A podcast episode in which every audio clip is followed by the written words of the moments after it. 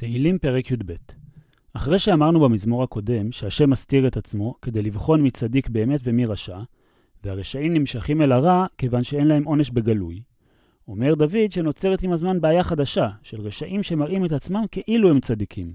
כלומר, אנשים שבאמת מחפשים את הרווח החומרי, אבל הם נראים כמו צדיקים, וקשה לדעת מי צדיק ומי רשע.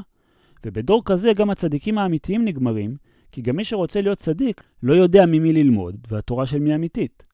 וככה אומר המזמור: למנצח על השמינית מזמור לדוד. הושיע השם, צריך שאתה תציל אותנו גם מהצדיקים המדומים האלה, ומהם רק אתה יכול להציל אותנו, כי אנחנו לא יודעים מי צדיק באמת ומי לא. כי גמר חסיד, ואין בדור הזה מי שבאמת עושה את רצון השם, בלי לחפש רווח חומרי. וזה כי פסו אמונים, אמונים מבני אדם, שאין עוד מי שאפשר להאמין בו שהוא באמת צדיק. ולכן גם מי שרוצה להיות צדיק לומד מאנשים כאלו. שהם שב ידברו, דברים לא נכונים בשם התורה, אפילו איש את רעהו, ומלמדים גם את מי שרוצה להיות צדיק באמת את דברי השקר שלהם. שבאמת הם דברים רעים, אבל שפת חלקות. הם מחליקים ביציאה מהשפתיים את המילים, כדי שיראה כאילו זה דברי תורה אמיתיים. וגם כשנראה שהם מדברים מהלב, בלב ולב ידברו. יש להם לב עוד יותר עמוק מזה, שבו הם באמת מחפשים את הרע. וגם אם לאנשים זה לא נראה כל כך נורא, יחרט השם כל שפתי חלקות. אי אפשר שיהיה מי שמראה כאילו הוא מדבר דברי תורה ומוסר, ובאמת בפנים הלשון שלהם מדברת גדולות ומלאה גאווה, והאנשים האלה מגדילים את עצמם ומתגאים מול השם. אשר אמרו לי לשוננו נגביר, שאנחנו יכולים לדבר נגד הקדוש ברוך הוא ונגד הרצון שלו, כי שפתנו איתנו, ואנחנו שולטים בשפתיים שלנו כדי שזה יישמע נכון באוזניים של האנשים, והם לא ישימו לב לזיוף. ולמרות שהשם יודע שאנחנו משקרים, מי אדון לנו להגיד לנו מה לעשות? אפילו הקדוש ברוך הוא לא.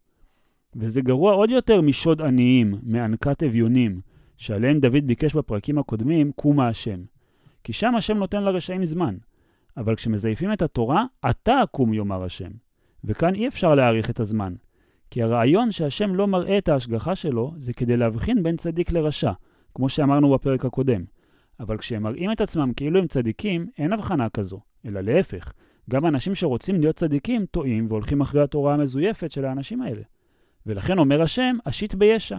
אני אשים את עצמי מושיע לתורה, ובאופן טבעי יפיח לו. זה יפזר את המסכה של האנשים האלו, וכולם יראו את הזיוף.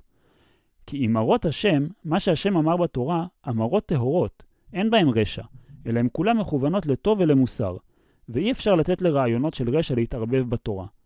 ואל תאמרו שזה רק נכון באופן כללי, אבל בפרטים הקטנים יש כל מיני סיפורים שלא באו ללמד את הטוב, או פרטים של היסטוריה שאין להם משמעות לטוב. אלא כסף צרוף. הכל אותו חומר, נקי ובלי תערובת של חומרים אחרים.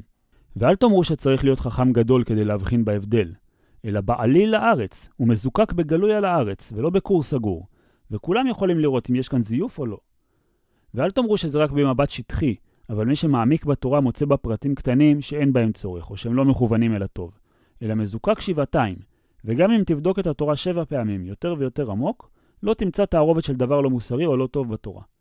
ולכן אתה, השם תשמרם את דברי התורה מכל זיוף, ורק אתה יכול לשמור עליהם.